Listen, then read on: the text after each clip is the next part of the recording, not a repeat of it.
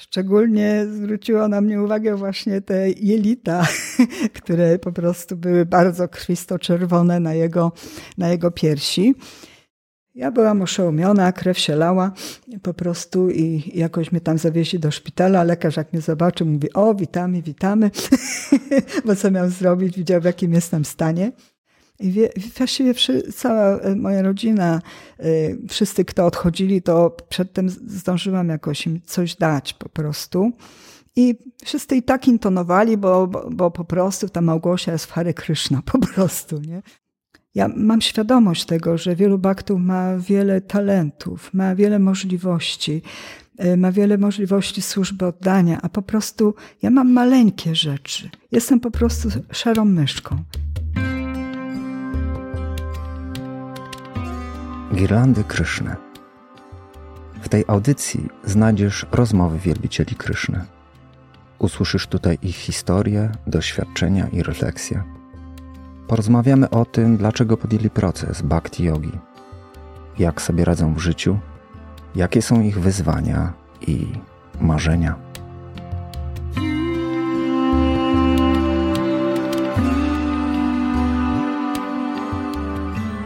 Przyjechałem do Kieksza specjalnie tutaj, żeby spotkać się z naszym gościem. Girlandy Kryszny. Ja mam na imię Harry Parshad Das, a moją rozmówczynią będzie. No właśnie, jadąc tutaj, tak sobie myślałem, jak Ciebie przedstawić, i do głowy przychodzi mi tylko jeden pomysł. Uważaj. Pierwsza dama polskiej jatry. Madhuri Priti Mataji. Witam serdecznie, Hare Krishna. Hare Krishna. Bardzo się cieszę, Maduri, że znalazłaś czas dla nas po tych wszystkich przebojach. Udało nam się spotkać. Super, jestem bardzo podekscytowany, onieśmielony przy okazji, bo to dla mnie wielkie wydarzenie. Chciałbym na początek zapytać o to, czy w Twoim domu rodzinnym mówiło się o Bogu? Tak.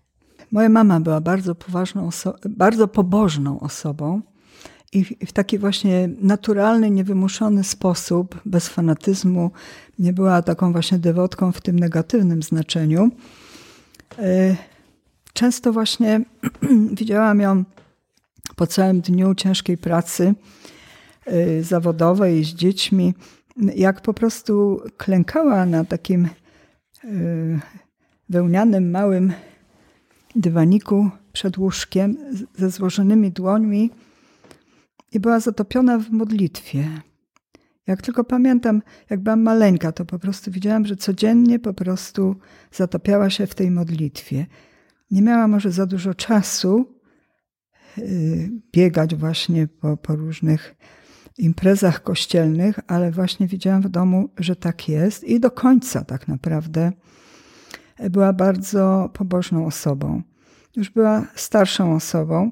Ja już mantrowałam, to siadałam w jej pokoju, ona brała po prostu e, swoje koraliki, ja miałam swoje koraliki, opierałyśmy się o siebie plecami i po prostu sobie mantrowałyśmy.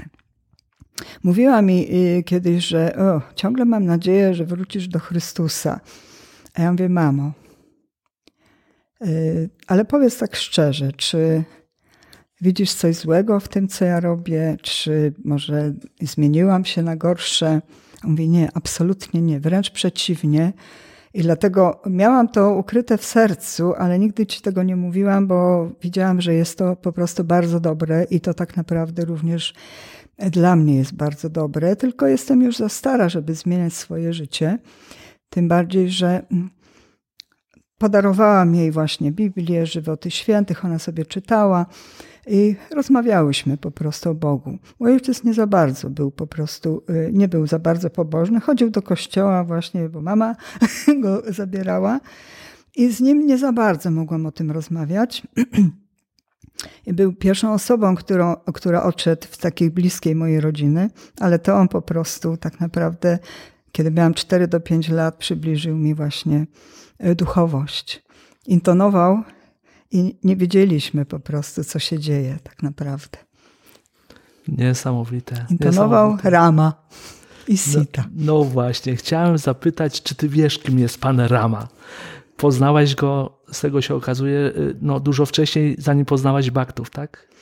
Y, nie wiem, czy poznałam, natomiast y, właśnie tak jak mówiłam, gdzieś w wieku 4-5 lat dostałam właśnie opowieści o panoramie i sicie z pięknymi ilustracjami. Właściwie to były to była grafika w takiej, takim y, konwenansie indyjskim. Bardzo je lubiłam. Tam były takie niezwykłe kształty po prostu w tym i lubiłam to, ale uwielbiałam te opowieści. No wiadomo, że nie umiałam czytać.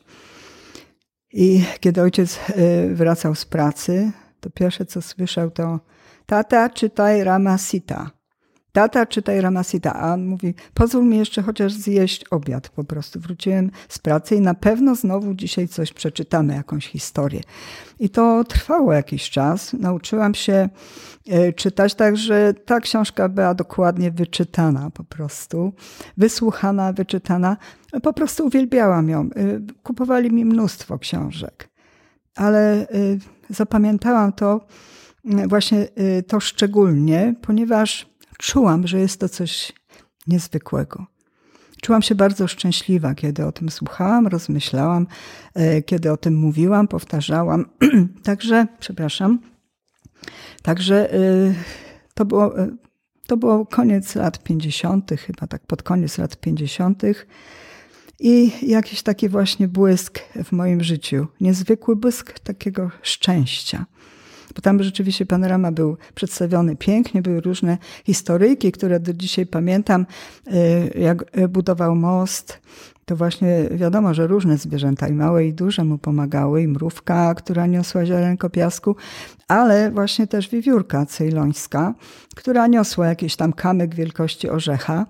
I pamiętam, że pan Rama też tak z miłością właśnie spojrzał na nią, podziękował i położył środkowy palec na jej grzbiecie i od tego czasu właśnie ta wiewiórka e, cejlońska ma taką pręgę właśnie na tym, to taka, takie historie były. Także w jakiś tam sposób Kryszna ukazał mi po prostu promyczek duchowości, kiedy jeszcze nie byłam zupełnie tego świadoma i później pokazywał mi się w różny sposób. Tak jak sobie policzyłam, to co 20 lat mi się pokazywał. W 50 latach właśnie mi się pokazał jako panorama. W 70 latach pokazał mi się trzy razy. Y, to było w Warszawie. Y, były takie trzy bardzo awangardowe teatry w Polsce. To była komuna, także wiadomo było, że one częściowo były zakazane, tam niektóre spektakle, ale tu właśnie w Poznaniu był Teatr Ósmego Dnia, w Krakowie był y, y, Teatr Stu i w Warszawie była Akademia Ruchu. I miałam taką przyjaciółkę, bardzo kulturalną osobę i właśnie mówi, jedziemy do Warszawy, coś niesamowitego jest. I był to animowany teatr z Indii, który przedstawiał pana Nishimhadewę.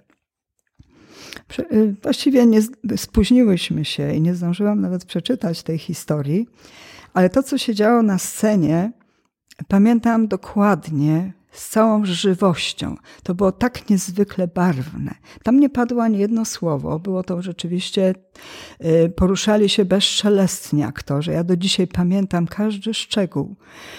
Y, szczególnie zwróciło na mnie uwagę właśnie te jelita, które po prostu były bardzo krwisto-czerwone na jego, na jego piersi.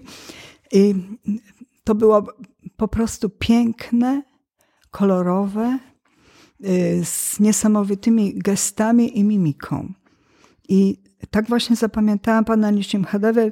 Ja się go w ogóle nie wystraszyłam, mimo że był tam dosyć groźny i pewne takie elementy mogłyby wystraszyć. Nie wystraszyłam go się. Y, był urzekający i zapamiętałam go. Y, czytałam też wiele esejów właśnie Jana Józefa Szczepańskiego, między innymi socjologa, y, i mnóstwo rzeczy czytałam, a zapamiętałam historię, kiedy opowiadał w jednym z esejów opowiadał po prostu o Hare Krishna, o baktach Hare Krishna w Holandii. W jednym z esejów. To było dla mnie, i też pamiętam to po prostu dokładnie. No i trzecie, też w latach 70., y, też było dla mnie y, niezwykła to historia. Mm, miałam przyjaciółkę, y, która z kolei miała brata naukowca, który jeździł do Londynu, bo w komunie rzadko można było wyjeżdżać. I on tam przywoził zarówno różne płyty Beatlesów, e, takie, które tu nawet były niedostępne w Polsce, ale mówi, słuchaj, coś ci przyniosłam. No i okazało się, że no nie wiedziałam, co to jest. Ona też dokładnie nie. Tylko ten jej brat Marek powiedział, to jest Mahamantra Hare Krishna. No i włączyłyśmy sobie to i słuchałyśmy tego bardzo długo. I również jakieś pieśni bengalskie. I pamiętam, że wiesz, jak chcesz, to ci to zostawię. Zostawiła mi to na dłużej. I moja mama tylko wchodziła od czasu do czasu do mojego pokoju i mówi, czego ty tak słuchasz? Non-stop, godzinami. Mówię, mamo, coś niezwykłego, wiesz, tak się, tak się niezwykle czuję słuchając tego. Y, czuję takie jakieś szczęście. Y, jestem zafascynowana po prostu tym. I też mnie przysiadała i za mną troszeczkę posłuchała, ale tam ją obowiązki gonił i mówi, rzeczywiście coś w tym jest niezwykłego. Także z Mahamantrą rzeczywiście się, y, nie wiedząc dokładnie, y, czym ona jest i kim ona jest, zetknęłam się długo przed poznaniem wielbicieli. I znowu 20 lat później, na początku lat 90., do Poznania y, przyjechali wielbiciele. I poznałam ich y, na ulicy. Y, nie, to nawet nie. Do pracy mi przyniósł jeden z wielbicieli. Miał na imię Nityananda. Potem się próbowałam dowiedzieć. Powiedzieli mi, że wyjechał do Indii. I przyniósł mi do, książ- do pracy książkę Źródłem życia jest życie. Jak zobaczyłam paramatmę w atomie, a studiowałam chemię wcześniej, to rzeczywiście bardzo mnie to zaintrygowało mnie to po prostu. Czteroręczna, piękna osoba po prostu w modelu atomu. I, I po prostu oczywiście wzięłam tę książkę natychmiast. Ja ją przeczytałam natychmiast, jak wróciłam. Y, nockę zarwałam prawie. Byłam zachwycona i czułam, że to znowu jest mój krok do przodu w życiu dokładnie miałam takie, właśnie przy takich niezwykłych zdarzeniach, czułam zawsze y, taki, trudno mi to określić, ale taką, y, taki dźwięk specyficzny. Być może to były jakieś y, dźwięki, jakieś po prostu niebiańskie. W każdym razie słyszałam właśnie szczególnie wtedy, kiedy przeczytałam tę książkę, usłyszałam niezwykły po prostu dźwięk i byłam pewna, że jestem na jakiejś niezwykłej drodze mego życia. I tak, tak po prostu było. Rano mówię, nie, poszłam do pracy i po pracy przebiegłam się po wszystkich księgarniach. I się okazało, że znalazłam Bhagavad Gita, Znalazłam od razu książkę kucharską, znalazłam płytę z mantra, e, e, to była kaseta wtedy, bo to były 90. lata, kaseta z mantrami i kilka książek. I to wszystko przyniosłam, te trofea do domu. I po prostu mówię, nawet nie szukam jeszcze baktów, teraz trzeba tutaj się trochę pooczyszczać. Tak mi coś powiedziało. I może dobrze było, może źle, nie wiem, w każdym razie, może pół roku, może, może rok. Y, natychmiast, bo ja jako dziecko miałam takie już właściwie y, Byłam wegetarianką jako dziecko, tylko troszkę się bali, że, że coś może mi się stać. I tak mnie trochę tam przyzwyczajali, ale wtedy właśnie po przeczytaniu tej książki wiedziałam już na pewno, że miałam rację po prostu.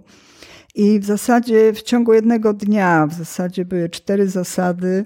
Zaczęłam, wzięłam, oczywiście znalazłam jakieś koraliki chrześcijańskie i zaczęłam intonować. Zrobiłam sobie ołtarzyk, y, zaczęłam po prostu gotować, ofiarowywać do tych obrazków, które tam były, bo tam była taka mała instrukcja w tej książce właśnie Źródłem Życia i Życia, i jak pewne rzeczy zrobić po prostu w domu. I to robiłam. I pewnego dnia mówię, yy, pomyślałam, no tak, chciałabym już spotkać baktów. I rzeczywiście w tym samym dniu, po prostu po pracy, yy, to było na ulicy właśnie, te, wtedy się nazywała Armii Czerwonej, yy, przy takich właśnie wieżowcach. Nagle widzę, bakta jest. Podeszłam do niego i mówię, gdzie jesteście? On mówi, na Nizinnej w Poznaniu. Przyjdź w niedzielę. Ja poszłam wcześniej. poszłam tam wcześniej. I to było, y, wiedziałam już, że to jest dla mnie bardzo ważne. Ja, już po prostu po różnych doświadczeniach, poszukiwaniach y, religii, filozofii, wiedziałam, że nic lepszego nie ma po prostu. Wtedy właśnie w tej nocy wiedziałam, że nic lepszego nie ma i po prostu to jest to, czego szukałam całe życie. I wiedziałam, że jak pójdę już tam do baktów, to już tam będę. I tak się po prostu stało. Był to jakiś zwykły dzień. Jak tylko e, weszłam, to mieli jakieś kartony i od razu ktoś do mnie krzyknął, słuchaj, mamy tutaj czytania Chaitamrita, osiem tomów. Chcesz? Mówię, chcę. miałam przy sobie pieniądze i to była, Bhagavad Gita już miałam w domu i przed Srimad Bhagavatam właśnie miałam czytania Chaitamrita. Kiedy dotknęłam tę książkę, to poczułam, poczułam jakąś taką jakby nieważkość i jakieś takie szczęście. Poczułam wielką moc tej książki. To było dla mnie bardzo niezwykłe. Także wzięłam te książki i poszłam od razu y, do Baktów. Po, po, powiedzieli mi, mi, kto jest tam prezydentem. To był Mark Adlik wtedy prawu od razu się do niego zwróciłam i mówię, ja już może nie mogę tu mieszkać, bo mam różne obowiązki i byłam już właściwie, można powiedzieć, dojrzałą osobą, ale y, na szczęście miałam otwarty umysł i na szczęście y, y, ktoś mi mówił od wewnątrz, co jest ważne. I, I mówię, może nie będę z wami mieszkać, ale na pewno już będę z wami zawsze. Co ja mam tutaj do, do zrobienia? I, I, wtedy poczułam pierwszy smak po prostu prasada. Do dzisiaj uwielbiam warzywa w jogurcie. Byłam tym zachwycona. Nigdy takiego, różne rzeczy przecież jedliśmy, ale e, takiego zestawienia nigdy. To mnie też urzekło i do dzisiaj mnie zawsze urzeka po prostu ta potrawa. I mm, od razu dostałam właśnie taką służbę, żeby się zajmować mm, finansami, żeby się zajmować y, fundacją, y, która się zajmowała Food for Life i tak w zasadzie y, tak od tego to się zaczęło. No i pierwszy wykład, byłam zachwycona, pierwsze pytania i tak już zostało. Miałam daleko do tej nizinnej, z jednego końca miasta na drugi. Musiałam jechać dziesiątką od początku do końca i później jeszcze długo, długo iść. Ale pamiętam, że zawsze z taką radością sobie szłam po prostu tam i nie było to dla mnie trudne i ciężkie. Także było to po prostu, tak się zaczęło y, po prostu szczęśliwie już z baktami. Słucham tej relacji z zapartym tchem. Naprawdę, to jest niezwykłe to potwierdza zasadę, że Kryszna wybiera do siebie, pozwala zbliżać się do siebie osobą niezwykłym. Myślę, że taką osobą jesteś właśnie. A powiedz mi, jakie wyzwania dla ciebie były najtrudniejsze na samym początku? Czy tak cały czas było tak kolorowo i tak, tak super entuzjastycznie, czy, czy były jakieś sytuacje albo zdarzenia, albo chwile, kiedy no, było to trudne dla ciebie? W jakiś tam sposób Y, nie mogłam mieszkać z baktami i Krishna przysy przysyłał mi do domu tłumy baktów. Dosłownie tłumy. I to było, i to przez wiele, wiele lat. A ja chodziłam do pracy. I na początku mi się wydawało, że to, to może być dla mnie trudne. I kiedyś miałam urodziny i moja y, siostra z, z, ze swoim mężem, małym synkiem przyszli, a ja mam tu dom ca, cały Baktów i Arati o 19. Byłam po prostu w szoku. Także nie wiedziałam na początku, jak się zachować. Bo widziałam, że, że jest skonfudowana po prostu. Ona też nie wiedziała, co zrobić, ale ponieważ Wszyscy byli dobrze wychowani, grzecznie usiedli po prostu i posłuchali Arati. I mój y, siostrzeniec pięcioletni widział, że są kartale na, na stole i że ktoś już tam grał i wziął te małe kartale i zaczął po prostu na nich grać. I wtedy moja siostra się roześmiała.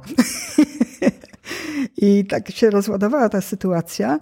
I oczywiście ktoś zamiast, y, skończyło się raty, ktoś przyniósł prasada, y, oni już to y, troszkę znali. Także ta, ta, ta sytuacja się wtedy właśnie rozwiązała i moja siostra później bardzo nam pomagała baktom w różnych sytuacjach. Aczkolwiek, mm, kiedy napisałam do niej kiedyś list, że ja już po prostu to już jest moje życie po prostu i że ja już od tego nie odstąpię. Niezależnie od tego, jak ona to widzi. Ona mi powiedziała: Ja to rozumiem, ale ja nie mogę żyć tak jak ty. Nie jestem gotowa, bo byłabym wykluczona społecznie, mi powiedziała. Ona była lekarzem i też była taką osobą bardzo publiczną, bo y, w Izbie Lekarskiej y, miała wysoką pozycję, była prawą ręką szefa, także mieli różne spotkania, musieli y, po prostu różne imprezy i mówi, wiesz, ja nawet nie zawsze mogę być wegetarianką, aczkolwiek na początku jadła mięso i to dużo, ale powoli, powoli po prostu to wszystko jakoś tam się zmieniało. Także na, myślałam po, po, prostu, że będę miała z, z rodziną kłopot, ale się okazało, że moja mama jakoś to zaakceptowała, uwielbiała prasadę, także po prostu mogła jeść tego tyle, że się po prostu odchylała później w fotelu, do tyłu się śmiała w głos. Tak ją to po prostu e, rozluźniało i uszczęśliwiało wręcz. Także e, krok po kroku e, rzeczywiście moja rodzina to zaakceptowała, aczkolwiek byli zazdrośni. Ja po prostu w pracy, wtedy pracowałam, ja pracowałam w urzędzie skarbowym. Bardzo specyficzne miejsce. Ja po prostu byłam y, tak entuzjastyczną osobą, że po prostu sprzedawałam tą książki. Jak trzeba było petycję po prostu w obronie baktów w Rosji, to cały urząd się podpisywał, 200 osób. Pochodziłam z tym. W poniedziałek y, po, po programie y, niedzielnym przynosiłam po prostu prasadam. Wyobraźcie sobie, dział, dział po prostu, to był wtedy osób prawnych, później dział kontroli. Zamykaliśmy drzwi i po prostu wszyscy jedli prasadam i miałam tam wykład ze Śmiat Bhagavatam. I niektóre osoby właśnie, chodziliśmy nieraz właśnie na kontrolę, to pół nieraz takiej kontroli mnie wypytali, wypytywali o różne rzeczy po prostu ze świadomości Kryszny. Także byłam dosyć otwarta, ale się okazało, że y, do pewnego punktu tylko moi przyjaciele doszli, moje, moje rodziny. Do pewnego punktu dalej nie mogli już pójść. I nie mogli też znieść, że mam przyjaciół bliskich wśród wielbicieli. Okazało się, że taka zazdrość się pojawiła, a wręcz później utraciłam tych przyjaciół. Nie byli w stanie tego znieść. Ja na początku bardzo cierpiałam z tego powodu. Bardzo mnie to bolało, ale musiałam się po prostu modlić, bo ja po prostu muszę tutaj być i, i po prostu oni, skoro nie mogą, to, to musimy tak po prostu to zostawić. Także z niektórymi nie mam już kontaktów. Szczytem było, kiedy moja siostra chciała kupić sobie tutaj pod Poznaniem w Puszczykowie piękne miejsce, e, warta, lasy. Chciała kupić duży dom.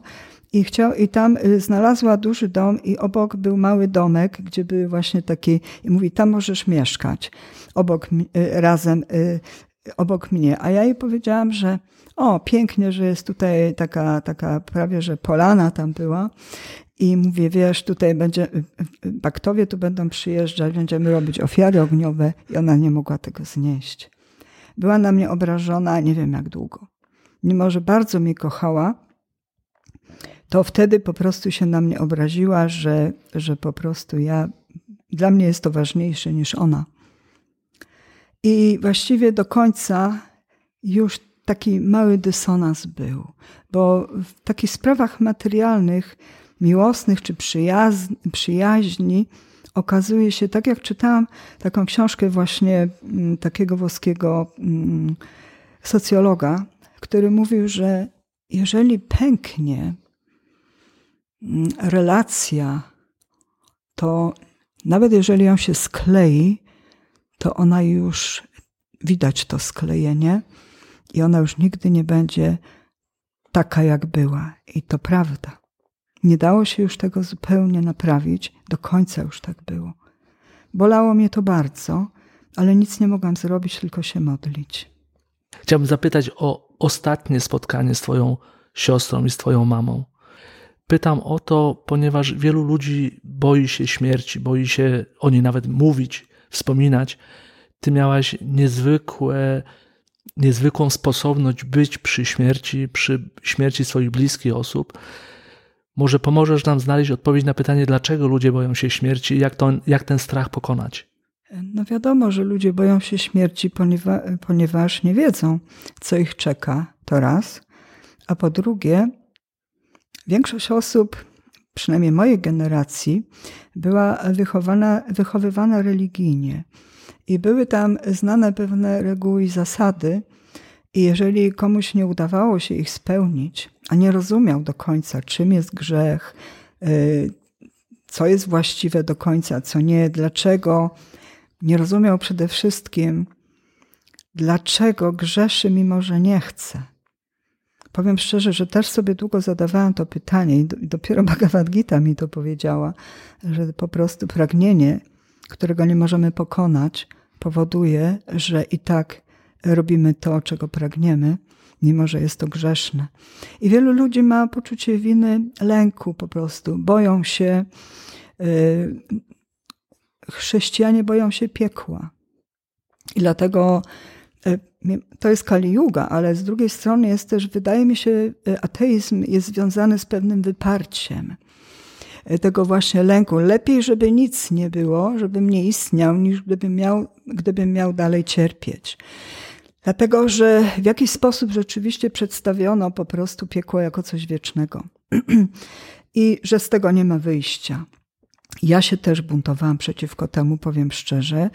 I mm, y, Marcin Luther tak naprawdę odstąpił właśnie od, y, powiedzmy, tej głównej ścieżki chrześcijańskiej, dlatego że też się z tym nie godził. Między innymi. I, I myślę, że to może być przyczyną właśnie lęku, ta niewiadoma, y, również tego, czy może jednak tam coś jest, a ja po prostu nie spełniłem czegoś i będę dalej cierpiał.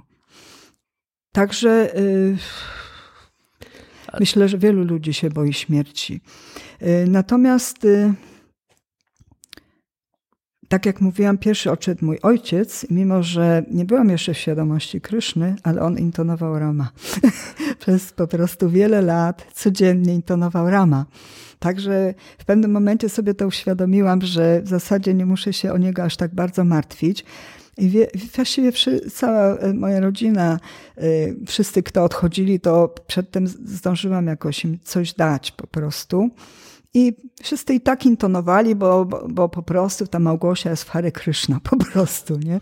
I ona tam już jest i jest i pewnie tam już zostanie. I tak, tak po prostu wszyscy intonowali, ale też było prasadam przy każdej okazji. Y, później była moja mama. Miałam z nią bardzo szczególną relację. Bardzo szczególną. Myślę, że wielu, wielu żyć E, była to odwzajemniona po prostu relacja, po prostu miłości matki i córki. Rozumiałyśmy się i kochałyśmy się po prostu. I starałyśmy się po prostu dla siebie jak najlepiej, e, że tak powiem, czynić. I to tak nagle do mnie zadzwoniła, wie, że źle się czuję, a e, mieszkała wtedy z moją siostrą, oni wyjechali, przyjdź. Przyszłam, ona mówi, bardzo dziwnie się czuję. Zadzwoniłam do mojej siostry lekarki, powiedziałam jej, co jest. Ona nie mieszkała w Poznaniu i mówi natychmiast do szpitala. Po prostu dzwoń. I się okazało, że no miała udar, ponieważ miała kłopoty y, z, y, z krążeniem. I tam no, oczywiście chodziłam do niej codziennie. W pewnym momencie troszeczkę nawet y, zaczęła już zapominać, kim jestem. To tylko tydzień trwało tak naprawdę. W pewnym momencie zadzwoniła do mnie siostra, mówi, wiesz, wczoraj już miała symptomy odejścia. Tak samo ojca widziała symptomy odejścia. Zmiany ciała są po prostu, że wiadomo, że, że po prostu prawdopodobnie jutro odejdzie, przyjedź jutro. Ja mówię, zawsze codziennie byłam, ale mówi, bądź wcześniej. Najmłodszej siostry nie pozwoliła jej przy tym być. Także obie tam byłyśmy. I ja miałam wtedy, pamiętam, Narayan Kawacze. Takie, y, miałam po prostu ze sobą y, i obrazek, i ze Shrimad Bhagavatam tę mantrę. Ja sobie tam intonowałam. I w pewnym momencie zauważyłyśmy, że linia już jest prosta na ekranie. Odchodziła. Ale było to niezwykłe odejście. Dlatego, że ona była bardzo spokojna, miała bardzo spokojną twarz, uśmiechniętą, ale co najdziwniejsze, ta, ta jej twarz się świeciła. Tak jakby ktoś zapalił w środku lampę. Dokładnie tak to odebrałyśmy obie. Tak jakby ktoś zapalił w środku lampę. Oczy miała, wszystko miała prześwietlone po prostu. A moja siostra mówi, wiesz co, widziałam już tyle śmierci, ale czegoś takiego nie widziałam. Co to jest? A ja mówię, to po prostu, wiesz, paramatma daje jej światło i wskazuje jej, jaką drogą ma wychodzić. Jest to bardzo pomyślne wyjście, dlatego że ona wychodzi przez głowę. Także albo idzie na planety niebiańskie, albo idzie do świata duchowego. Cały czas intonowałam i cały czas miałam właśnie y, tę kawaczę, intonowałam. Pokłoniłam jej się, podziękowałam jej za wszystko i mówię, mamo, idź tam, gdzie prowadzi cię twoje serce a i tak będę się za ciebie modlić, żebyś bliżej poznała pana Gaurangę. Kiedy byłam w, w Indiach pierwszy raz na Govardhanie, niedaleko zostawiłam jej zdjęcie. Także y, przychodziła nieraz do mnie we śnie, uśmiechnięta i wyglądało, że zbiera całą rodzinę i po prostu, żeby im y, w jakiś tam sposób pomagać. Także było to chwalebne po prostu odejście. Wtedy moja siostra powiedziała, jak, to trochę jak przekleństwo brzmiało. Mówi, chciałabym, żebyś nas wszystkich tak odprowadzała. No i niestety, pierwszy, e, następny był jej syn, jedyny ukochany syn, niezwykle zdolny. E, on studiował na Politechnice Warszawskiej. Nagle przyjechał do niej do domu i niby przeziębiony. I ona do końca życia sobie tego nie wybaczyła, bo bałam bała się po prostu go badać, bo mówi, może uczucia mi po prostu y, zniekształcą po prostu Obraz. diagnozę. I poprosiła swoją koleżankę. I ta koleżanka niestety postawiła złą diagnozę. A mówi, a mi, ona miała ogromną intuicję, ona była pediatrą i ona po prostu wiedziała po prostu jak, jak dzieci, symptomy chorób dzieci i tak dalej. Miała ogromną intuicję i mówi, i mi mówiła, wiesz, a ja wiedziałam, że to jest ta choroba po prostu. On miał zapalenie ser, y, serca, co się u młodych po prostu ludzi zdarza. I, I mówi, i nie mogę sobie tego wybaczyć po prostu, bo jeszcze można było coś spróbować i to bardzo szybko postępowało. I ja pamiętam, że byłam na jakimś y, programie y, we Wrocławiu i ktoś właśnie do mnie dobijał po prostu do telefonu, nie od razu odebrałam i mówiłam: Słuchaj, y, Michał po prostu odchodzi. Także e, wróciłam do Poznania i zaraz po mnie przyjechali i po prostu on rzeczywiście odchodził. Z drugiej strony moja siostra mówi, jedynym pocieszeniem tego, że odszedł, e, jest to, że jeżeli już tak się to stało, bo mówi, byłby strasznym kaleką, bo tak bo to y, związane jest z krążeniem.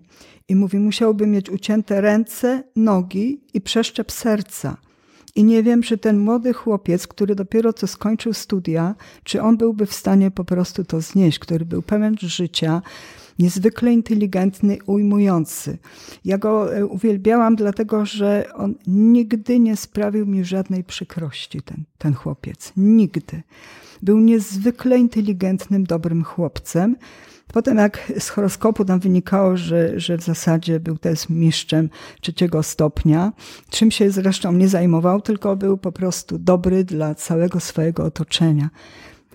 Mnóstwo kolegów na jego pogrzeb przyjechało z Warszawy. E, moja siostra ostatecznie była zadowolona, że, że że po prostu odszedł bez tak wielkiego cierpienia, bo mógłby o wiele bardziej cierpieć. On miał Bhagavad Gita. Bhagavad Gita mówił do mnie, ciociu, po prostu wiesz, lubię to czytać. Y, mnóstwo prasada, lubił to. Ale niezwykłe było to, że po jakimś czasie on mi się nie śnił. Śnił się tej siostrze, tamtej, y, przychodził, a do mnie nie. I sobie wyobraźcie, że jesienią to było, chyba no, pół roku po jego śmierci, nagle słyszę śmiech Michała w czasie snu. taki szczęśliwy śmiech Michała i mówi taki głos: Ciociu, wszystko, co mówiłaś, jest prawdą. Wszystko.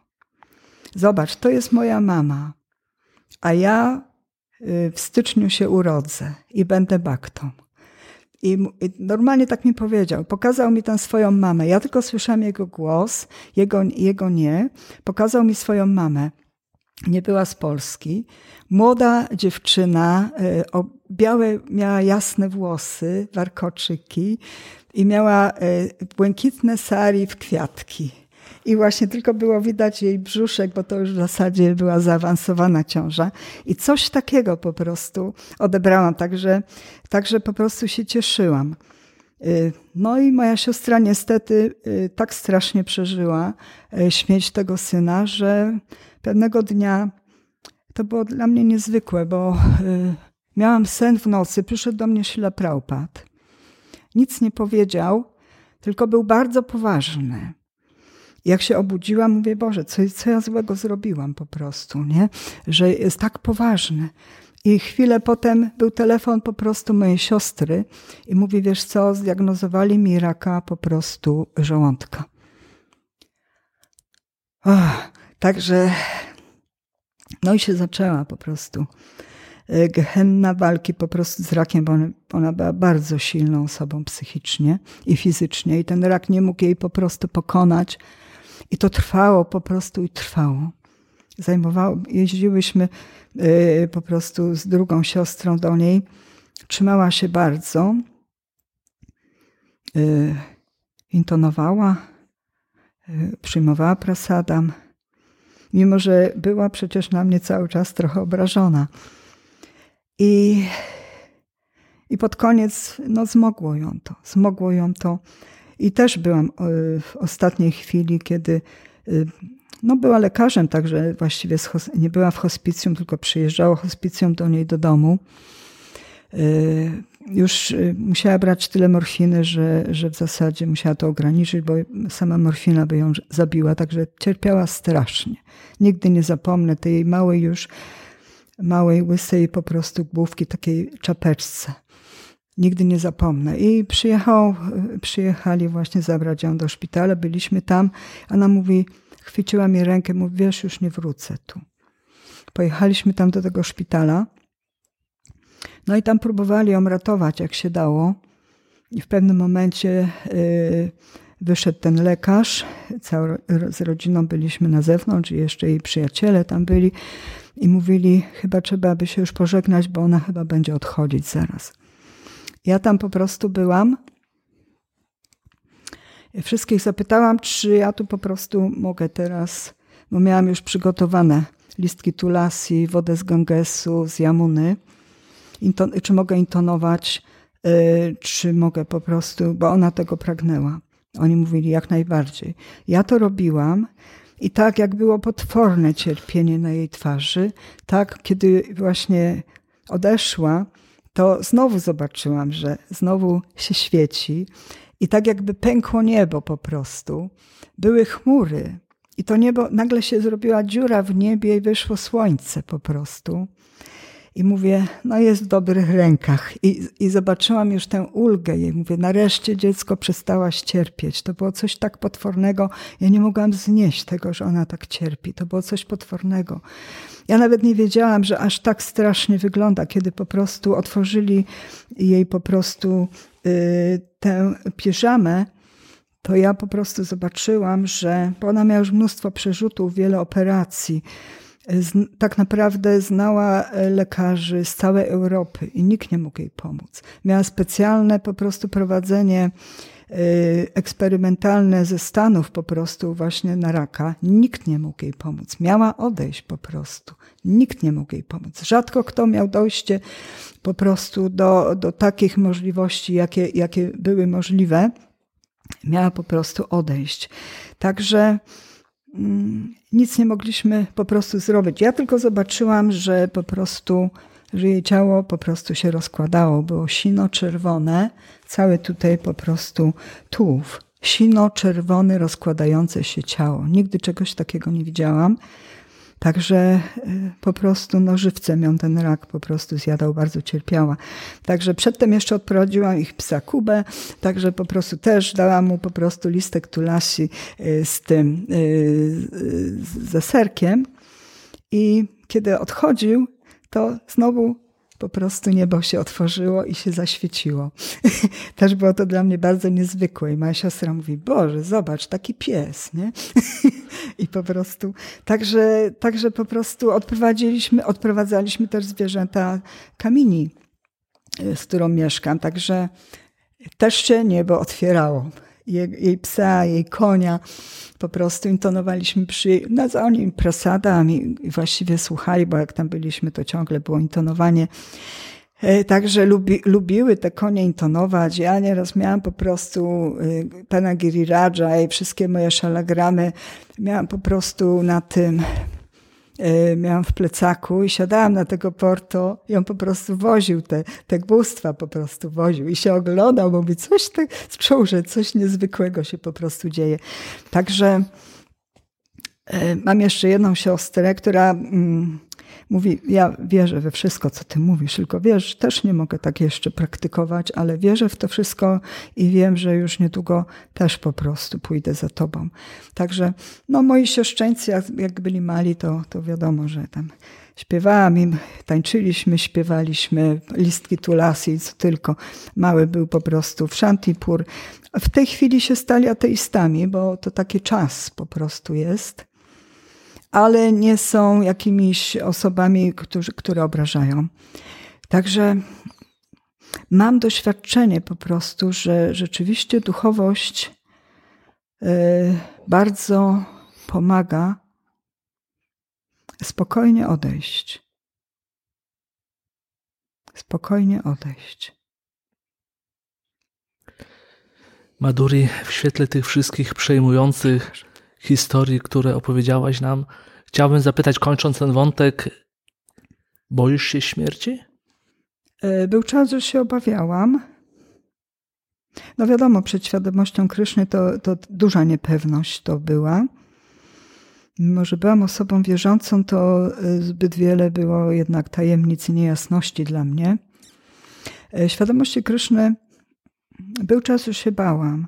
Zresztą pamiętam, jak y, Praupat mówił, żeby zapisywać, żeby sobie pamiętnik założyć, żeby zapisywać swoją drogę po prostu, świadomości Kryszny, jak zmienia się nasza świadomość. I mówił, że tak bardzo często się zaczyna u baktów, że w ogóle podejmują ten proces ze strachu. Również przed śmiercią, przed konsekwencjami tego. I ja nie wiem, czy ze strachu zaczęłam, raczej z frustracji tym światem i ze znajomości może tego, co tutaj się dzieje i z tego, że tak wiele niezwykłych po prostu ludzi w tym świecie nie umiało sobie poradzić i nie zawsze religie im pomagały. I rzadko kto docierał do właśnie konkluzji wedyjskiej, żeby rzeczywiście mieć tę ochronę. I oni popełniali samobójstwa, wariowali, po prostu przechodzili y, taką religię, taką, to, impersonalizm, buddyzm, co tylko po prostu. I niestety bardzo wielu z nich y, źle kończyło, mimo że próbowali. Zbyt dużo wiedzieli o tym świecie i wiedzieli, że nie da się tak żyć i nie mogli, nie mieli tego szczęścia po prostu, żeby znaleźć rozwiązanie. Także na początku może nie tyle się Y, ze strachu zaczęłam ten proces. On po prostu przyszedł do mnie i byłam jak gdyby gotowa go przyjąć, ale rzeczywiście miałam lęk przed śmiercią, bo nie wiedziałam dokładnie, y, jak to będzie. Mimo, że może trochę mniej, ponieważ długo przed świadomością Kryszny miałam wyjście z ciała bardzo niezwykłe, Prawdopodobnie byłam wypchnięta po prostu z tego ciała. I miałam bardzo niezwykłe przeżycia po prostu, bo to jest lęk, kiedy się traci grunt pod nogami, kiedy się nie czuje w ogóle mm, kierunków.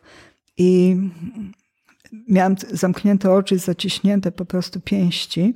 I w pewnym momencie mimo że wiedziałam, że, że właśnie tak mam ciało, całe sztywne po prostu z tego lęku przed tym wypchnięciem mnie z ciała, to w pewnym momencie mówię, ja widzę.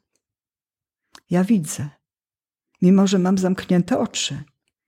I miałam, y, mimo że y, niewiele wiedziałam tak naprawdę, to Paramatma pozwoliła mi doświadczyć wielu rzeczy po prostu.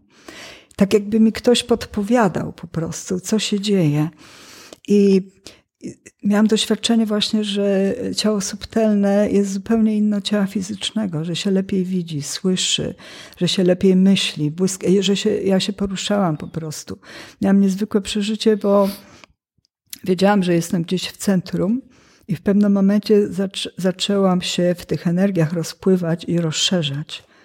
I wtedy poczułam lęk, że się rozpłynę w nieskończoności. To nie było końca tego rozszerzania się w tych energiach. I z takim, pamiętam z takim y, strachem, zawołałam: Boże, gdzie ja jestem? I to się zaczęło kurczyć. I po prostu czułam, że y, ta, ta cała taka, taka ogromna po prostu kula zaczęła po prostu się skierowywać tej energii ze mną. Wiedziałam, że ja mam na tych końcówkach, ja mam swoje ciało jakieś. I po prostu, i to się zaczęło kurczyć aż do punktu. Mówię, jestem w tym punkcie, w samym centrum, w samym centralnym punkcie. I przestałam się wtedy bać. I wtedy dopiero pozwalała mi Paramatma hasać w niezwykle y, y, pięknym, po prostu błękitno-różowej, złocistej przestrzeni, było ciepło. Pozwoliła mi się poruszać z taką prędkością niezwykłą i w pewnym momencie zauważyłam złotą planetę. Zaczęłam się zbliżać do tej złotej planety z niebywałą prędkością. I zaczęłam już tam coś widzieć, co tam się dzieje, i w pewnym momencie zostałam zatrzymana, cofnięta. Nie wolno mi było tam wejść i po prostu znalazł, znalazłam się już u siebie w pokoju. Byłam w zupełnej katalepsji. Jeszcze przedtem miałam niezwykłe doświadczenie, bo słyszałam tam muzykę sfery. Coś tak pięknego, że nie da się opisać. Mimo, że interesowałam i słuchałam e, różnych dzieł po prostu mistrzów, to czegoś takiego nie słyszałam po prostu. To było y, coś tak pięknego, że przerasta to y, moje możliwości w ogóle mm, wyrażenia tego. I kiedy tak właśnie się ocknęłam, to poczułam, że jestem zupełnie sztywna, nie mogę się ruszyć. I jeszcze pamiętałam tę przepiękną, po prostu przepiękne dźwięki. I to jest tak, że, no wiemy, Janko muzykant płakał był po prostu bardzo wrażliwy na muzykę, on płakał. A po prostu, a ta muzyka była po prostu tak przepiękna, że ja też płakałam, ale to nie był zwykły płacz. Po prostu fontanny mi wypływały z oczu. Nie mogłam ruszyć głową i one je po prostu zalewały całą twarz. I po prostu miałam poduszkę tak mokrą, że, że po prostu pływałam w tym. I mówię, Boże, przecież ja się tu utopię, nie mogę się ruszyć. I takie po prostu fontanny wody ze mnie po prostu leciały z oczu. Z tego wzruszenia, tego piękna z tego wzruszenia, tego piękna. Ja potem, kiedy właśnie czytałam, że można się rozmyć w energiach, kiedy czytałam, że pod wpływem wielkiego wzruszenia można właśnie tak płakać, to taką analogię sobie zrobiłam. Ja to miałam w ciele subtelnym, nie miałam tego e, w ciele właśnie duchowym, tylko właśnie, że również w ciele subtelnym już pewne wzruszenia mogą powodować właśnie takie niezwykłe po prostu stany. I jeszcze miałam jedno doświadczenie właśnie wtedy, kiedy ta świadomość zaczęła się już rozchodzić po tym ciele, to właśnie zobaczyłam, jak twardy jest materia, jak twarde jest ciało. Dosłownie się czułam, jakbym była w wydrążonym pniu drzewa. Obijałam się o to, ale ta świadomość zaczęła właśnie wracać i zaczęła powoli wchodzić w te wszystkie, y, w całe ciało. Czułam, że ręce zaczynają mi się już powoli poruszać, nogi i po prostu ta świadomość wypełniła całe ciało i po prostu wróciłam y, do możliwości poruszania się z tej stałej, z tej okropnej sztywności. No i wtedy zapomniałam też już tę piękną muzykę. Maduri, chciałbym, żebyśmy się wybrali jeszcze raz w podróż tym razem na inny kontynent, do Indii. Chciałbym, żebyś nam opowiedziała troszeczkę o swoich doświadczeniach, o, o podróżach, o pielgrzymkach do Indii. E, tutaj e, Prabu tak górnolotnie mnie y, nazywał, ale tak naprawdę ja, mm, ja tak naprawdę jestem szarą myszką. Taka jest w tym życiu po prostu moja droga. Przeszłam przez wiele cierpień. Moja matka, która pochodziła z bardzo bogatej, arystokratycznej rodziny, poprzez babcię, straciła wszystko. I umiała po prostu sobie z tym poradzić, ponieważ była dobrze wychowana i wychowywała mnie po prostu, uczyła mnie po prostu właściwego y, rozumienia i zachowania. I to było po prostu. Ja, ja jako dziecko po prostu przysłuchiwałam się pod stołem różnym y, rozmowom dorosłych i musiałam bardzo szybko dojrzewać, ponieważ nie będę już teraz szczegółów opowiadać, ale właśnie słyszałam i docierało to do mnie, do mojego serca, że, że coś w tym świecie jest nie tak, że coś masz, wspaniałe życie i nagle to wszystko znika. I nagle to wszystko znika. I ja y, jako dziecko pamiętam, że i moja mama już się nie dobijała o to, o to swoje bogactwo. Po prostu była skromna do końca. Umiała gości przyjąć nawet zwykłym takim y, y, przez siebie zrobionym sokiem po prostu z, z pomidorów. Potrafiła z tego zrobić przyjęcie. Mimo, że była już bardzo y, biedną osobą. I nigdy nie narzekała po prostu, że, że to straciła. Nieraz opowiadała mi różne ciekawe historie. Książkę by można o tym napisać. I ja w pewnym momencie jeszcze jako dziecko trochę nieświadome, troszkę się buntowałam. Że czułam, że jak gdyby należy mi się coś niezwykłego, a zostało mi to zabrane. I buntowałam się. Dlaczego po prostu? Czuję, że mój ojciec był tak naprawdę naukowcem. I, I po prostu czułam, że należy mi się coś niezwykłego od życia, a życie mi nie chciało dawać, wręcz przeciwnie. Co chwilę dostawałam po głowie i po prostu byłam co chwilę czymś tam dobijana. Bardzo długo nie mogłam tego uznać. Nawet kłamałam niektórym ludziom. Opowiadałam jakieś tam bajdy niestworzone po prostu jako dziecko, żeby pokazać swoją wielkość. I dopiero, powiem szczerze, w świadomości Kryszny powoli zaczynam, że tak powiem, y, uznawać tę swoją małość i to, że właśnie mam rolę w tym życiu małej myszki, biednej, y, po prostu y, mogłam robić jakiś doktorat, ale ja po prostu czułam, że ja nie mogę niczym się w tym życiu poważnie zająć, bo na coś czekam. Naprawdę intuicja mi to mówiła. I wiedziałam, że kiedy, kiedy po prostu rzeczywiście spotkałam baktów, to jest właśnie to, gdzie mogę już w to wejść. I tutaj właściwie jeszcze jakiś czas nawet świadomości Kryszny sprawiało mi po prostu przykrość, że to są tacy niezwykli baktowie, że tyle mogą zrobić. Ja w zasadzie gdzieś jestem w kąciku po prostu i nie mogę się przebić. Nieraz mówiłam mojemu mistrzowi duchowemu, że ja po prostu nie mogę się przez pewne rzeczy przebić. Y, mówił, okej. Okay I po prostu nigdy mnie nie poganiał, nigdy mnie y, do niczego nie namawiał, zawsze był wobec mnie po prostu dla mnie bardzo łagodny.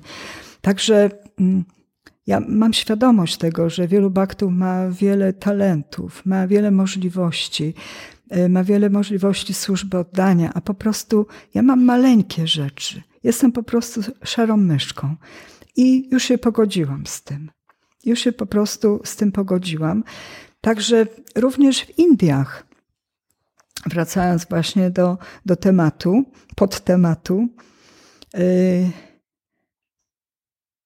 nie miałam szczęścia, żeby pojechać. Pierwszy raz jechałam w 2007 roku z osobą, która zna dobrze te Indie, która jest tam, yy, która jest zaawansowana, która mnie poprowadzi. Yy, myślę, że popełniłam tam różne obrazy nieświadomie ale i tak byłam szczęśliwa z chwilą, kiedy w 2007 roku, e, kiedy wylądowałam po prostu i znalazłam się na lotnisku w Delhi, to ja poczułam Indię. Ja poczułam, że tu jest zupełnie inna energia. Wtedy no, pracowałam, także byłam tam przeszło miesiąc i także byłam w Majapur. Y, mieszkałam w Mahashingi wtedy. Y, bardzo się nami zajął. Zawiózł nas później do Jagannath Puri. Później jechaliśmy do Vrindavan i jeszcze w Himalaje. Bo czułam, że mam coś zakończyć w Himalajach. Miałam kiedyś taki sen, że jestem w wiecznych śniegach po prostu. Wysoko były po prostu szczyty. Wiedziałam, że jestem w Himalajach. E, byłam Tybetanką, bardzo starą. Kiedy spojrzałam na swoje dłonie, to widziałam, że są pomarszczone jak takie zimowe jabłko, brunatne. Miałam takie właśnie wełniane pasiaki i mnóstwo właśnie takich e, z, z różnymi kamieniami szlachetnymi, srebrne ozdoby. Byłam bardzo stara, ale bardzo silna. Bardzo wysoko byłam. Patrzyłam po prostu z miłością na te góry, po prostu ośnieżone i oddychałam pełną piersią. Kiedy się obudziłam, zaczęłam się dusić. Poczułam, że tam jest zupełnie inne powietrze, tak jakbym, tak jakbym wróciła do, z jakiegoś innego ciała. I czułam, że muszę po prostu w te Himalaje jechać. Nie miałam możliwości jechać po prostu w Dolinę Gandaki, w Himalaje wysokie, niestety. I myślę, że ta tęsknota już mi odchodzi właśnie w te wysokie Himalaje.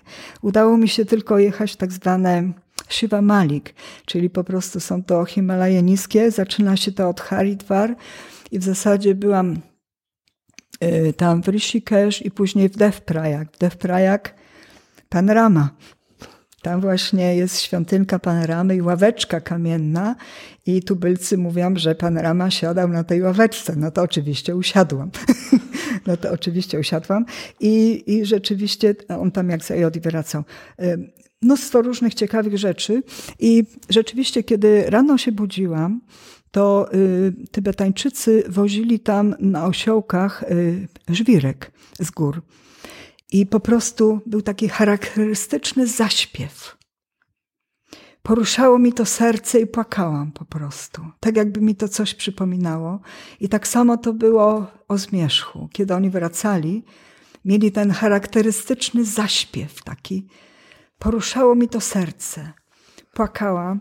Ja naprawdę tam po prostu złożyłam pokłon po prostu tej ziemi, bo czułam z, y, jakiś związek po prostu z tą ziemią.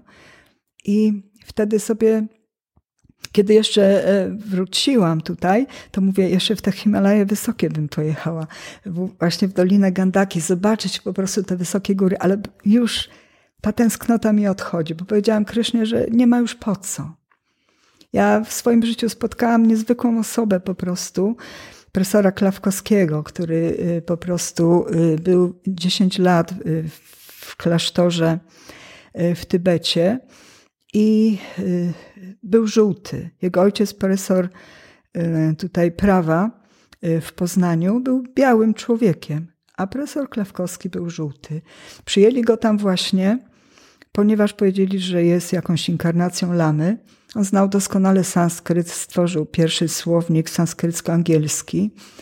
E, niezwykła osoba, erudyta po prostu. Ożenił się z księżniczką tybetańską, jego dziecko się uczyło trzech języków od małego i zapraszał nas do siebie do domu, gdzie miał w zasadzie Muzeum Kultury Tybetańskiej. I takie to było moje zdarzenie. I właśnie wtedy też o Buddzie opowiadał. Bardzo niezwykła osoba. Miałam go spotkać. I powiedziałam Krysznie, że, że chciałabym się już uwolnić od tego, że już nie muszę jechać w te Himalaje wysokie. I powiem szczerze, że nie mam już tej tęsknoty w sercu, uwolniłam się od tego. Także to był pierwszy pobyt, pobyt y, w Indiach, bardzo niezwykły. Podróżowałyśmy we dwie. Mówili mi, jedź do Indii, bo tam już się kończą stare Indie. One się zaraz po prostu zmienią. Miałyśmy naprawdę szczęście, bo mm, miałyśmy tilak. Y, tak naprawdę okazywano nam szacunek po prostu. Dwóm kobietom podróżującym pomagali nam po prostu.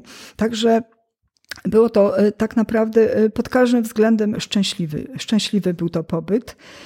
I zobaczyłam Indię. Ja wtedy byłam taka bardzo idealistycznie nastawiona do Indii A co chwilę mi ktoś mówił, że tam nie jest tak idealnie.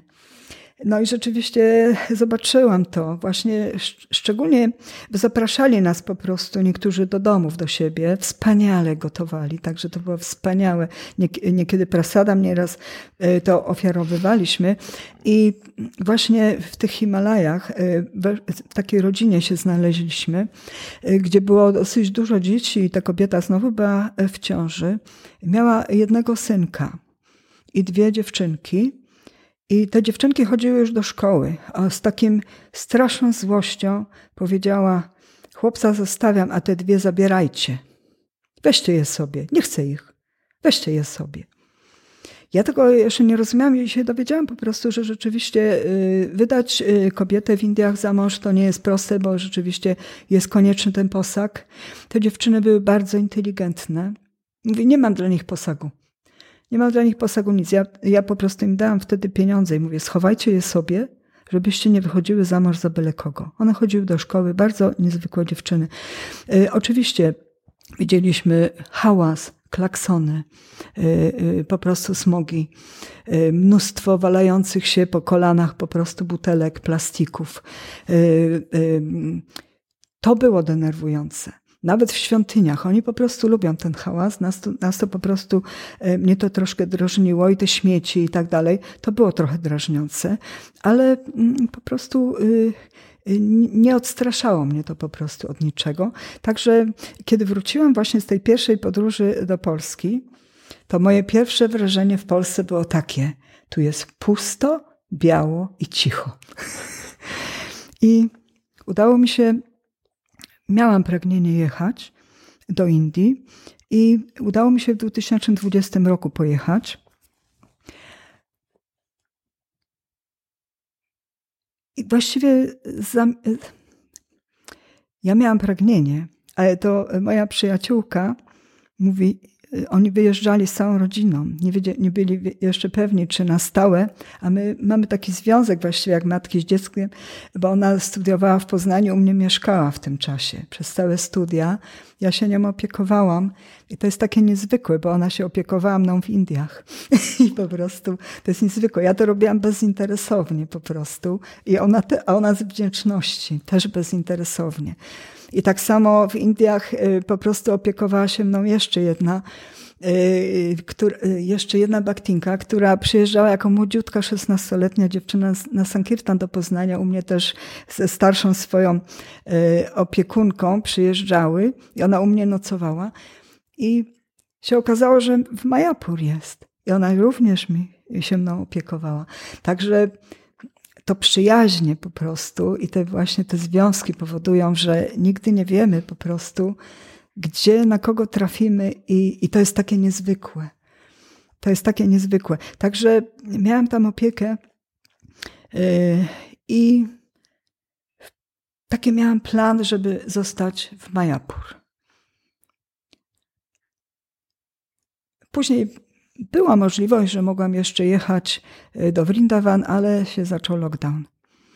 Ja, y, pojechaliśmy 5 mm, grudnia 20 roku i ja po prostu pierwsze co zrobiłam, to pojechałam, poszłam do świątyni, rymsnęłam przed wszystkimi po prostu bóstwami i powiedziałam, że bardzo bym się chciała tu po prostu oczyścić po tylu latach po prostu niebytności tu, po tylu latach mieszkania na zachodzie, życia poza świątynią po prostu, y, nieraz bez braku po prostu kontaktu z baktami, na pewno na co dzień, z kontaktami tak naprawdę w pracy i wszędzie z różnymi ludźmi po prostu.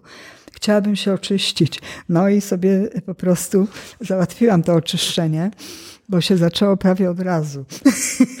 I to naprawdę strasznie i to do dzisiaj trwa. Także e, to była, zaczęła się zima tak naprawdę w grudniu. Więc wiadomo, e, posadzki, ławki, kamienie po prostu lodowate. Nocą zimno. W dzień, tak jak u nas jesienią, i, I, strasznie się przeziębiłam. Tak bardzo, że rzeczywiście jakieś tam prawie, że o szpital to się y, otarło. I później y, ktoś mnie zaprosił gdzieś do jakiegoś takiej wielkiej jadłodajni na prasadam. I tam nie było łyżek. Ja płukałam ręce, ale widocznie nie umyłam ich, nie miałam mydła tam. Widocznie nie umyłam ich dokładnie i rękoma zjadłam. I ja krótko potem byłam potwornie chora na jelita. Potwornie. I to rzeczywiście, y, to się skończyło w szpitalu, y, gdzie miałam odwodnienie, gdzie miałam kroplówki, gdzie po prostu różne rzeczy tam się działy.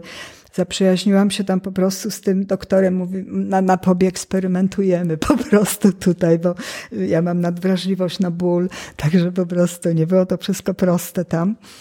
Także w zasadzie te problemy z jelitami mam do dziś. Trochę już jest lepiej, ale, ale po prostu one nie są zupełnie wyleczone, bo ich jakoś nie mogę do końca tego zrobić, różnie próbując. No i potem miałam straszny wypadek. Po prostu takim bardzo wielkim, ciężkim po prostu motorem. Jechałam rowerem i, i po prostu ktoś na mnie najechał.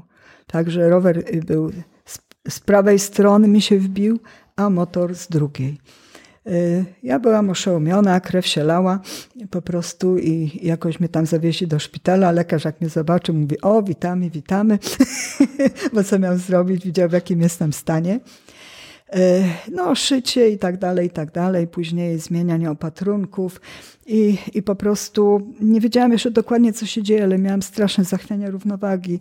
Nie wiedziałam po prostu, co zrobić. To są takie ciężkie Indie, ale ostatecznie to przyjmuję jako rzeczywiście oczyszczanie, bo w Majapur nie ma, nie ma obraz. Nawet jeżeli się popełnia, to po prostu Majapur nie przyjmuje po prostu obraz. Także y, tak mi, y, zresztą, zresztą ta moja przyjaciółka mi powiedziała, słuchaj, jeżeli ktoś w Majapur cierpi, to znaczy, że Kryszna zwrócił na niego uwagę. I tak mnie pocieszyła. Także ostatecznie pozytywnie do tego podchodzę, mimo że do dzisiaj nie widzę. I mimo, że mam problemy właśnie, nieraz bóle głowy, nieraz właśnie y, z pamięcią problemy, mimo że miałam bardzo dobrą pamięć, nieraz mi coś tam po prostu umyka, ale ostatecznie, mimo że bardzo cierpiałam, to ostatecznie pozytywnie to, to oceniam. I niezwykły by też ten lekarz, bo e, ten pielęgniarz mi zadawał wiele bólu, kiedy mi zmieniał te opatrunki po prostu. I, I na koniec, kiedy wiedziałam, że już jest takie ostatnie zdjęcie szwów, bardzo go prosiłam, żeby to on mi to zrobił, żeby nie, nie robił tego ten pielęgniarz, bo po prostu ja mam nadwrażliwość na ból, bo to już moja siostra mi powiedziała i po prostu, i, i że ja po prostu strasznie cierpię z tego powodu. On to była niezwykła osoba po prostu, ten lekarz. Zrobił to właściwie tak delikatnie i bezboleśnie. I wyobraźcie sobie, że osobiście mi umył głowę. Miałam oczywiście część wygoloną. Osobiście mi umył głowę i mówię, mówi, ja mamie też nieraz myję głowę, nie? I po prostu to było takie, takie niezwykłe. Ile razy y, gdzieś go tam spotykałam, zawsze po prostu przyjaźnie rozmawiał ze mną. Także, także mimo, że y, tyle po prostu y, cierpienia mi to sprawiało, to, to tak naprawdę oceniam to bardzo pozytywnie. Tak samo mieszkałam właśnie z rodziną tej mojej przyjaciółki. Także ja miałam po prostu pomoc pod każdym względem, pod każdym względem. Jedyne, czego mi brakowało, to to, że oni się tam organizowali, więc nie, nie brali udziału w wielu rzeczach, w których ja chciałam brać udział. Tak samo y, niektórzy już to mieli za sobą, a ja po prostu pierwszy raz byłam na parikramie. Nie? I po prostu i poszłam tam sama, mimo że byłam chora mimo że byłam chora, przeszłam wszystkie, cały parikram. E, po prostu przez te kilka dni e, w potwornym upale, ale byłam szczęśliwa po prostu, bo zawsze chciałam po prostu ten parikram zaliczyć, bo e, w 1974 roku była pierwsza Gowra Purnima w Majapur i wtedy też y, była, był pierwszy parikram po, Maj, po Majapur, y, po Navadvip wręcz. I Prabhupada właśnie mówił, że y, do mojego mistrza duchowego Jayapataki Maharadża, żeby utrzymać te parikramy. Nie? I po prostu dopiero wtedy byłam za krótko. Wtedy byłam za krótko, a teraz miałam czas, żeby po prostu pójść na ten parikram. I, i po prostu ja, ja, ja po prostu medytuję nawet VIP, bardzo często po prostu, bardzo często. W pokoju, gdzie śpię, w zasadzie mamy wszystkie ołtarze, wszystko to, co jest, co jest w Majapur.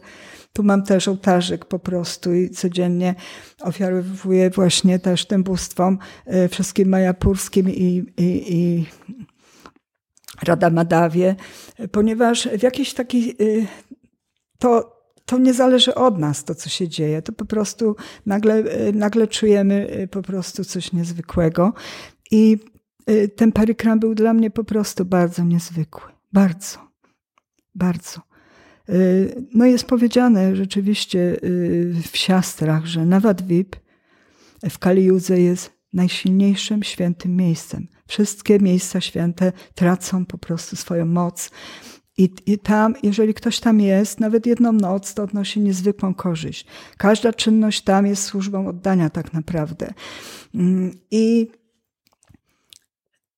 że wystarczy tam być, nie pragnąć już niczego więcej, bo tak naprawdę e, nawet VIP, który ma około 30 kilometrów, 30 mil kwadratowych, to jest cały Vrindavan. I y, sercem Navadvip, czyli to jest dziewięć wysp, przez środek y, płynie rzeka Ganges i 16, tam jest 16 rzek. Reszta to są dopływy po prostu Gangesu. I samym centrum jest tak zwana y, Antarama Dwipa. To jest właśnie tam, gdzie jest Mayapur. Centralna po prostu wyspa, Y, otoczona z jednej strony przez Ganges, a z drugiej przez Jalangi.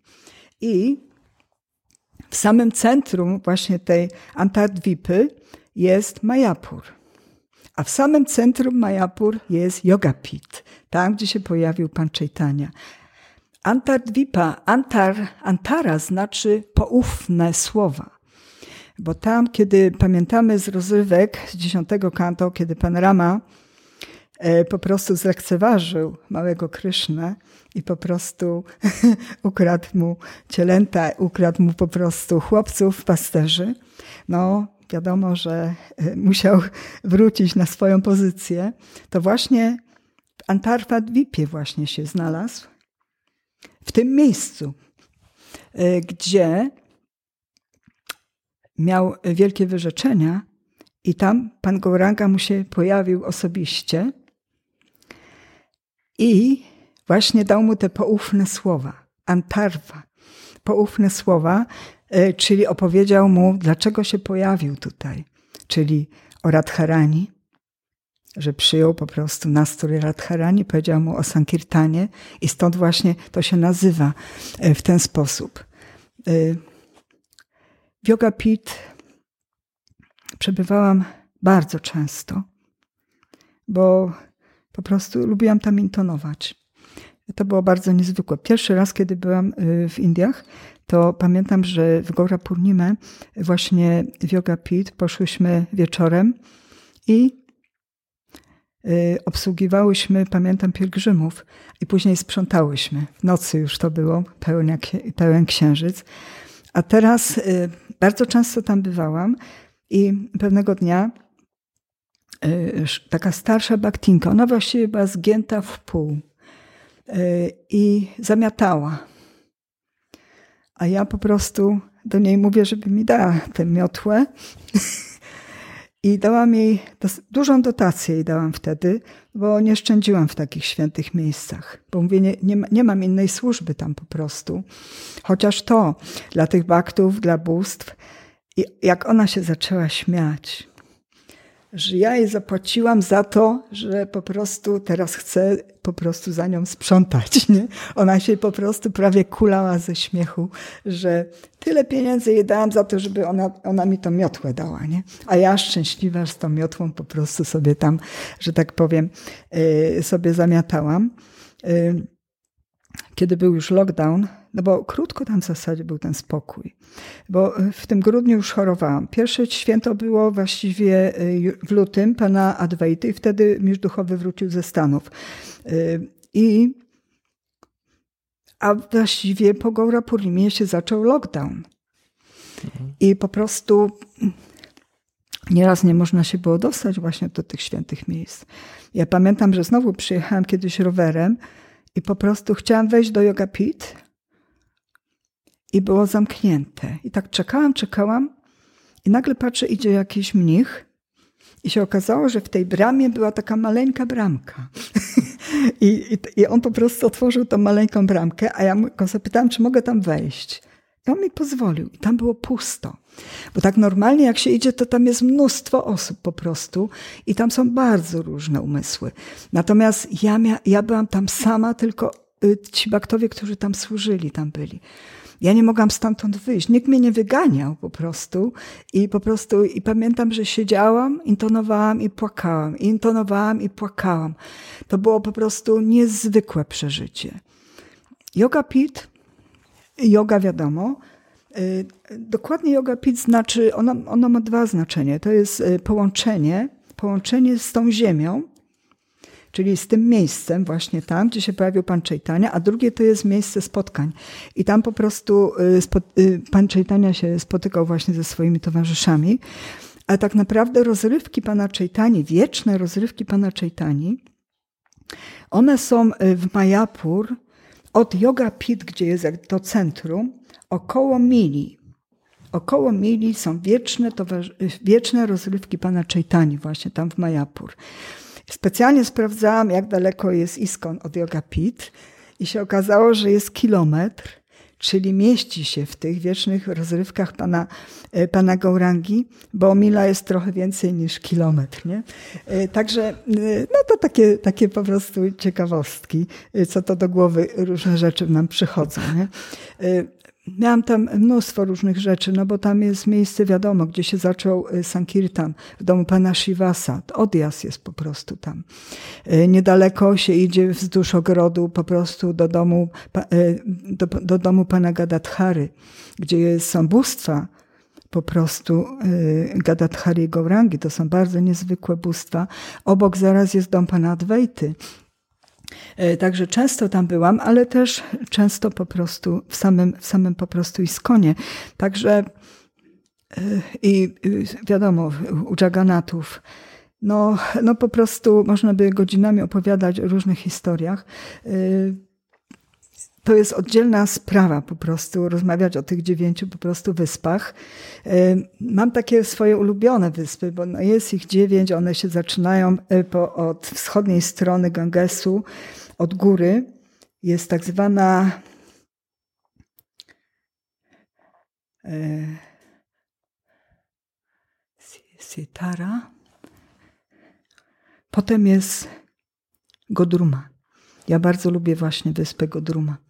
Zresztą każda z tych wysp reprezentuje, jest dziewięć wysp, jest dziewięć służb oddania i każda z tych wysp reprezentuje jedną służb oddania. I tak, tu gdzie jest Majapur, y, to jest y, Atmanivedana, czyli poświęcenie wszystkiego. Godruma to jest kirtan, kirtana.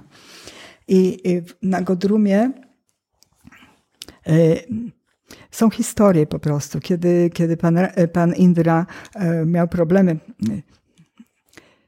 tak naprawdę w Nawadwib jest w tym miejscu w różnych epokach, czyli w Satya Judze i w Treta Judze i, i w Dwapara Judze, w tym miejscu dokładnie pojawiały się wszystkie święte miejsca, wszystkie święte osoby, inkarnacje, rishi i w, na tych różnych wyspach żeśmy po prostu byli tam. I po prostu to jest naprawdę odjazd w tych miejscach. Y, ja gdzieś wyczytałam i rzeczywiście to robiłam. Y, kiedy tylko wchodziłam na którąś z tych wysp, to po prostu się kłaniałam po prostu temu świętemu dam, bo to święte dam daje właśnie błogosławieństwo tych świętych osób po prostu, które tam są i bóstw. Także e, no, no, przeżycia były po prostu niezwykłe. Na Godrumie właśnie jest, e, tam się pojawił wcześniej pan Indra, który e, wiadomo po, po Gowardanie miał przeprosił Kryszna, ale miał niesmak po prostu i wziął ze sobą Surabi. A Surabi mu powiedziała, intonuj Gouranga. No i zaczęli intonować Gouranga, Gouranga, Gouranga w tamtym czasie. I po prostu pan, pan Gouranga im się pokazał. No i oczywiście dał im tremę. I to było niezwykłe. I Godruma się nazywa, bo go to jest y, krowa, a druma to jest drzewo.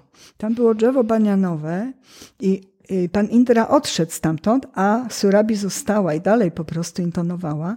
I to jest właśnie Godruma. Surabi, y, krowa pod drzewem, Godruma. I, i go Go to też znaczy pragnienie. I to też tam jest, y, kalpawriksza to jest właśnie. Także jest powiedziane, że tam baktowie mogą przedstawiać swoje pragnienia. Ja pamiętam, że się modliłam wtedy tam, po prostu pokazywałam swoje pragnienia. Y, też na tej wyspie pan Nisimhadeva po, po zabiciu y, Hirania Kashipu obmył swoje dłonie. I tam można się modlić też do Pana właśnie Nishimhadevy o oczyszczanie, o, o, o oczyszczenie serca, o błogosławieństwo. E, Godruma to tam jest e, tak naprawdę Samadhi, tam jest miejsce, gdzie pod koniec przybywał pan e, Bhaktivinod Thakur i Gaura Kishora Das Babaji ma tam swój Bhajan Kutir. Oni tam, tam po prostu się przyjaźnili, tam mieli wspólną po prostu służbę oddania. Na Godrumie pan Nityananda założył na Mahata tak naprawdę. Także niezwykła jest atmosfera. Mnóstwo rzeczy tam jest, nie wszystko pamiętam. Także e, tego drumę bardzo po prostu lubię. Potem jest Madhya Dvip i potem się przy, przejeżdża na drugą stronę Gangesu i się zaczyna Kola Dwipa. Też lubię ten Kola Dwipę. E, w Satyajudze jakiś brahmin się tam modlił o to, żeby zobaczyć pana Warachę. Kola to znaczy dzik. Kola Dwipa. I wyspa dzika. Kola Dwipa. I tam się pojawił wtedy właśnie pan Waracha i yy, też dał po prostu błogosławieństwo, ale dla mnie Kola Dwipa jest bardzo niezwykłą wyspą, bo tam się znajduje miasteczko Nawadwip. I, bo to jest cały okręg Nawadwip, a tam jest właśnie miasteczko Nawadwip, gdzie jest świątynka Iskonu i tam się znajduje bóstwo pana Czejtani, które czciła, e, która czciła Wisznupriya. I mieliśmy tak jeszcze, dwa razy tam byłam, bo przyciągało mnie to bóstwo, mam po prostu zdjęcie, obrazek tego bóstwa. I pamiętam, że nas wpuścił wtedy, prawie przed samobóstwo, do środka nas wpuścił po prostu ten pujari. I nie mogę wyrazić ani zapomnieć tego po prostu niezwykłego spotkania, które czułam i do dzisiaj po prostu mam wielki sentyment po prostu do tego bóstwa. To oczywiście jest cała historia. E, kiedy Wisznupriya się dowiedziała, że, że pan Chaitanya ma przyjąć saniasę, to przecież rozpaczała. Po prostu rozpaczała razem z matką Saci, ale jeszcze bardziej. I wtedy pan Chaitanya jej powiedział, nie płacz, zawsze tu będę przychodził do ciebie, zawsze będę tu jadł po prostu. Nie płacz. I ona po prostu się troszkę uspokoiła i właśnie przez kilkadziesiąt lat czciła po prostu to, to bóstwo. I taką, taka piękna pieśń jest właśnie. Yy, ale w tej chwili właśnie chyba zapomniałam ją, ale też piękna melodia. Także nie mam za bardzo głosu, żeby to zaśpiewać, ale uwielbiam po prostu właśnie ten pieśń, to żeśmy też śpiewali na tej pielgrzymce. Także Kolet Wipę bardzo lubię. Y, tam oczywiście są następnie Janu Dwipak, tam gdzie po prostu mędrzec Janu po prostu połknął cały Ganges i potem przez udo wyszło e, po prostu mu, e, mu ten Ganges i po prostu Jana, bo tam Janawi się pojawiła, właśnie Ganges wyszła. Także następna wyspa e, to jest moja też ulubiona po no, Anta, ant, no, Antara to wiadomo, tam gdzie jest, tam, gdzie jest e, Majapur. Godruma to wiadomo. I jest jeszcze wyspa, która się nazywa Modadrum Dwipa. Modadrum Dwipa to jest Ajodia. Tam po prostu, kiedy został wygnany e, pan Rama, to właśnie zatrzymał się w tym miejscu e, pod drzewem bananowym. Oni zbudowali tam chatkę i tam po prostu pewnego razu e, powiedział właśnie im, że pojawi się w Kaliudze jako żółtawa, żółty się pojawi, żółtawy powiedział i będzie po prostu e, dawał wielkie błogosławieństwa właśnie ludziom Kaliugi. I też y, właśnie mówił, że o matce Sachi mówił, że pan Goranga się pojawi właśnie y, z matki Sachi, a przedtem matka Sachi była Aditi, czyli była matką y, półbogów i za czasów Panoramy była jego matką. Także to właśnie, to właśnie opowiadał. Później pan, pan nie pan Gouranga, tylko pan Rama, poszedł do następnego lasu, były dalsze jego rozrywki, ale tam zaczął właśnie, właśnie w tym modadrumie po prostu, w tej właśnie dwipie, w tej, w tej tretajuze po prostu był tam i powiedział, przepowiedział właśnie, że pojawi się pan, yy, pan Czejtania. Jest opisywany jako zjawisko po prostu, jako zjawisko tak piękne. On był w tym lesie, także tam jest, yy, on miał yy, jego cera była koloru trawy, zielonej, młodej trawy. Po prostu przepiękna. Miał zmierzwione, kręcone włosy, e, lotosowe oczy, ujmujący sposób bycia po prostu, przepiękny uśmiech. Jest, jest po prostu, nie umiem tego nawet oddać, tego opisu, ale nieraz aż, aż tak prawie to widzę. Także to też moja ulubiona wyspa. Także, no i potem jeszcze jest Ruderadvipa, gdzie 12 rudrów się pojawiło.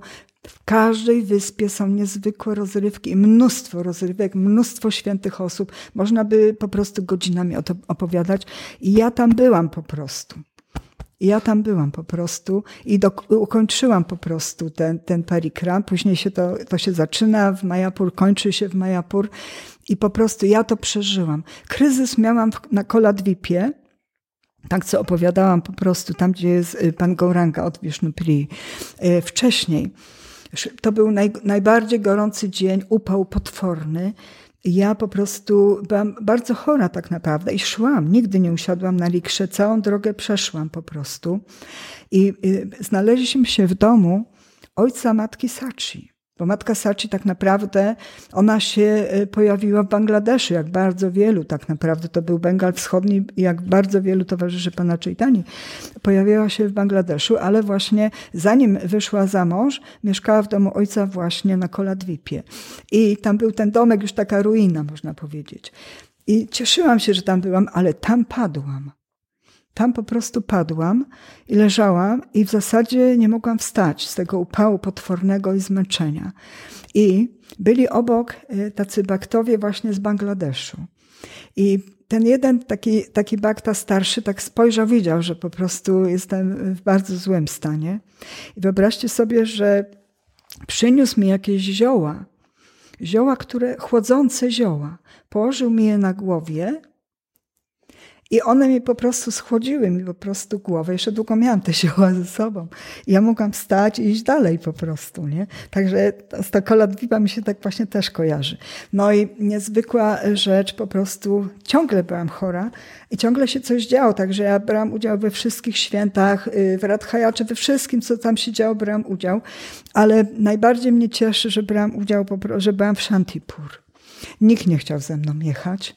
I mówię, zamawiaj taksówkę, jadę po prostu. Oto się jedzie z Majapur w stronę Kalkuty, gdzieś tam godzinę, czy może dwie godziny. Tym autem po prostu jechałam. E, tam jest po prostu, e, to jest miejsce, wiadomo, pana Adwejty. E, tam co roku się odbywają właśnie niezwykłe, po prostu, można powiedzieć, igrzyska duchowe. Tam też mój mąż duchowy był. I po prostu, mimo że byłam chora, to po prostu dawałam radę po prostu z tym wszystkim. I tam jest tak, że to był akurat dzień, to jest przed Gaura Purnimą, y, dzień po prostu odejścia Madhaventir Puriego, który był mistrzem duchowym pana Adwejty. I jest takie wielkie błogosławieństwo, bo to dał pan Gauranga to błogosławieństwo, że kto w tym dniu będzie w tym świętym Tirta i będzie jadł prasadam lub serwował prasadam, ten na pewno otrzyma y, po prostu y, premię pana, pana Gopala i służbę dla niego ja tam po prostu byłam i jadłam, mimo że nie powinnam jeść i byłam chora, to jadłam po prostu, zjadłam to prasadam i byłam po prostu szczęśliwa. Mogłabym opowiadać i opowiadać i opowiadać. Yy, także ten lockdown powodował, że nawet yy, w świątyni mieliśmy takie po prostu wyznaczone tylko miejsca.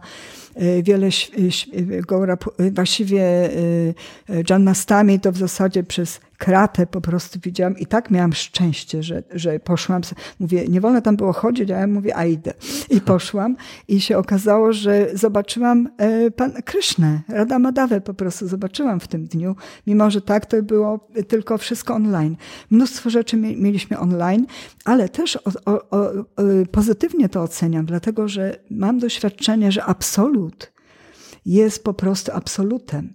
I nawet oglądając online to wszystko, tak wiele rzeczy, czujesz ten smak, szczęście, ten spokój. Ja w Majapur po prostu czułam e, się niezwykle.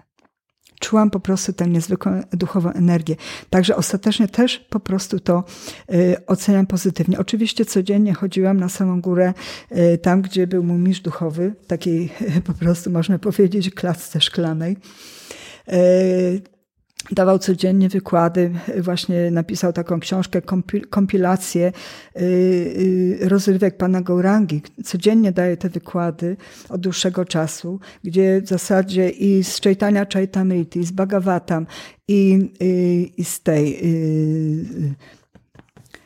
um, Chaitanya Bhagavatam, ze wszystkich książek, gdzie są rozrywki po prostu panu Gourandze, on po prostu to wszystko zebrał i codziennie po prostu po kolei po prostu o tym rozprawia i przenosi się w ten świat. I my to czuliśmy po prostu, że on był zupełnie w innym świecie, kiedy krzyczał Gouranga, Nityananda.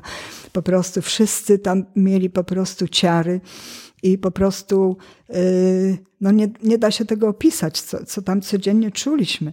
To się kończyło nieraz o 23 i po prostu, ale rano się wstawało i się leciało po prostu na mangala i tę energię czek miał i ja byłam chora i, i, ciągle biegałam po prostu, nie? I to było dla mnie po prostu bardzo niezwykłe.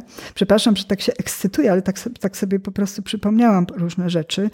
Mogłabym oczywiście godzinami opowiadać, także myślę, że na tym muszę skończyć. Jeszcze sama podróż y, powrotna była dla mnie niezwykła, bo wiele razy próbowałam, ale byłam zbyt chora, albo mi odwoływali po prostu samolot i także miałam być na początku tam dwa miesiące, potem, y, trzy, potem trzy, potem musiałam jechać do Bangladeszu, żeby sobie przedłużyć po prostu y, pobyt.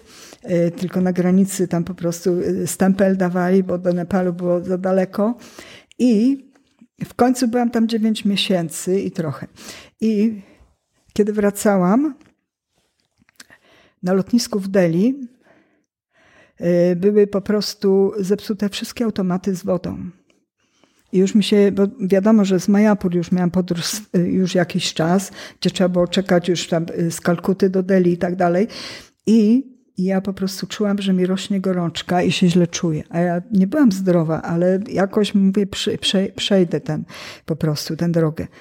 I po prostu miałam 39 i rosła mi ta gorączka. I na szczęście ktoś mi tam załatwił Bektinka, z którą jechałam. Ja jej opłaciłam tę podróż, żeby ze mną jechała, bo mówię, nie wiem, co, co się może zdarzyć. A i nie wiem, czy dojadę. I na szczęście ona w Delhi mieszka, mówi, nawet jak cię odrzucą czy coś, to po prostu u mnie będziesz mieszkać i wrócisz do Majapur po prostu. Będziemy dalej przedłużać ten pobyt, nie? Także się nie bałam, ale znaleźli mi tam, y, że mają mnie przewieźć jako po prostu na wózku. I przyjechał taki młody, taki młody chłopak, Hindus, uśmiechnięty, zadowolony. Także tu tym wózkiem mnie kierował, tu moją walizkę, przez wszystkie bramki tam po prostu wszystko za mnie załatwiał, bo ja już byłam nieprzytomna prawie. I najlepsza była rzecz, bo już byliśmy w takim miejscu, gdzie cała była kolejka po prostu osób i wszystkim badali temperaturę. Ten, kto miał powyżej 38 stopni, ten po prostu był odrzucany. Ja oczywiście miałam prawie 40 i wiedziałam, co się zdarzy, ale siedzieliśmy tak troszkę z boczku. On wypełniał mi tam jakąś deklarację, ja mu tam y, mówiłam, co ma wypisać. On widział, że jestem prawie nieprzytomna i zrobił po prostu niezły manewr.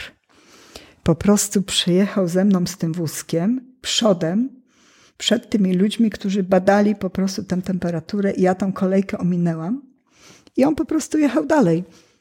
I znowu tam na każdy, w każdej, na każdej bramce, wszędzie po prostu mi tam już wypakowywał, pokazywał ten, śmiał się cały czas, rozmawiał ze mną.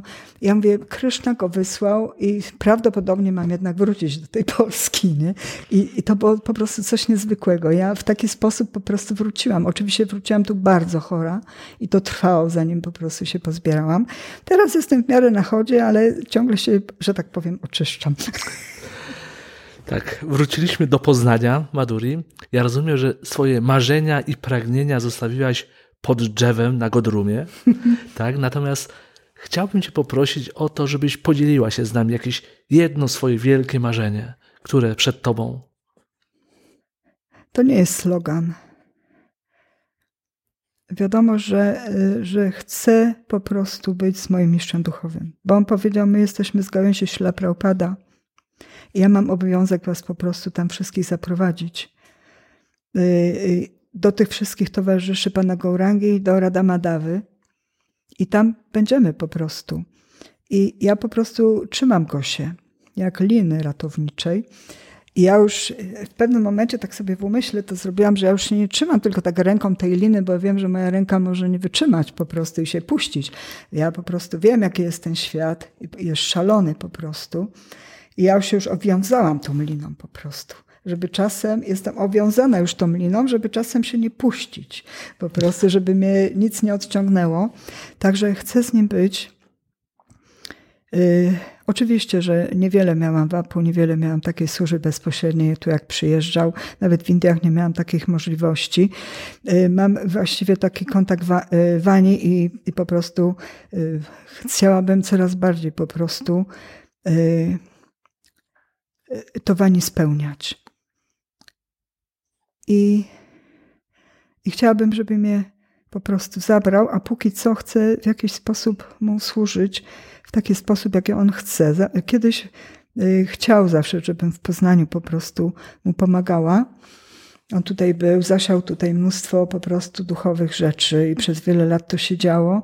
I zawsze y, po prostu był zadowolony z tego, że próbuje tutaj chociaż utrzymać pewne rzeczy duchowe, żeby jakieś środowisko duchowe to było. Jak gdyby to, to bym chciała po prostu dla niego robić.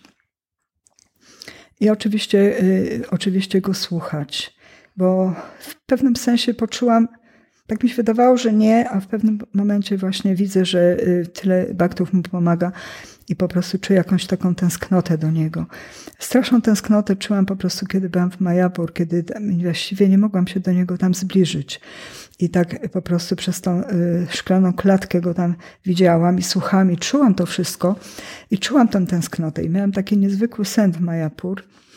W pewnym momencie idę y, po schodach do góry i nagle tak jak, tak jak na, na, na filmach jest, nagle się pojawił jak duch, po prostu mój mistrz duchowy wyżej na tych schodach. Ja już kiedyś to opowiadałam, nie wiedziałam jak mu złożyć pokłon na tych schodach, ale jakoś tam się po prostu pogmerałam, jakoś mi się to udało. I wstałam, on zniknął. Ja poczułam dziwne, dziwne, coś dziwnego w sercu i to się dwa razy stało. Po, po chwili znowu po prostu idę wyżej, a znowu się pojawił, spojrzał, uśmiechnął się i zniknął. I wtedy poczułam, że ja tak naprawdę za nim tęsknię.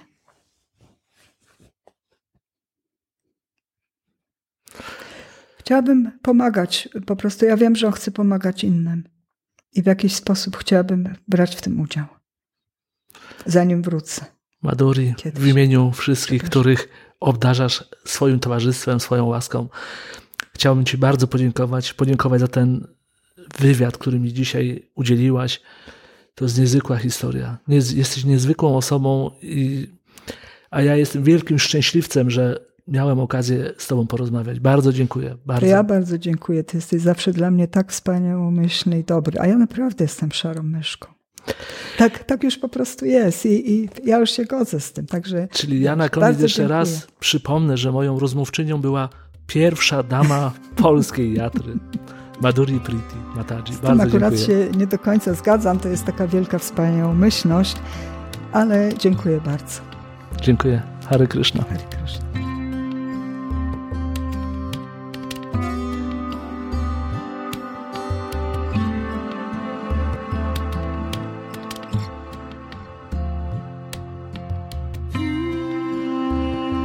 Audycja ta jest dostępna na wszystkich popularnych platformach do słuchania podcastów, takich jak Google Podcasty, Spotify, Apple Podcasts i innych. Odcinki podcastu umieszczone są także na kanale Akademii Wisznuizmu serwisu YouTube i na stronie Akademii Wisznuizmu aw.edu.pl w zakładce podcasty również można znaleźć odcinki tej audycji.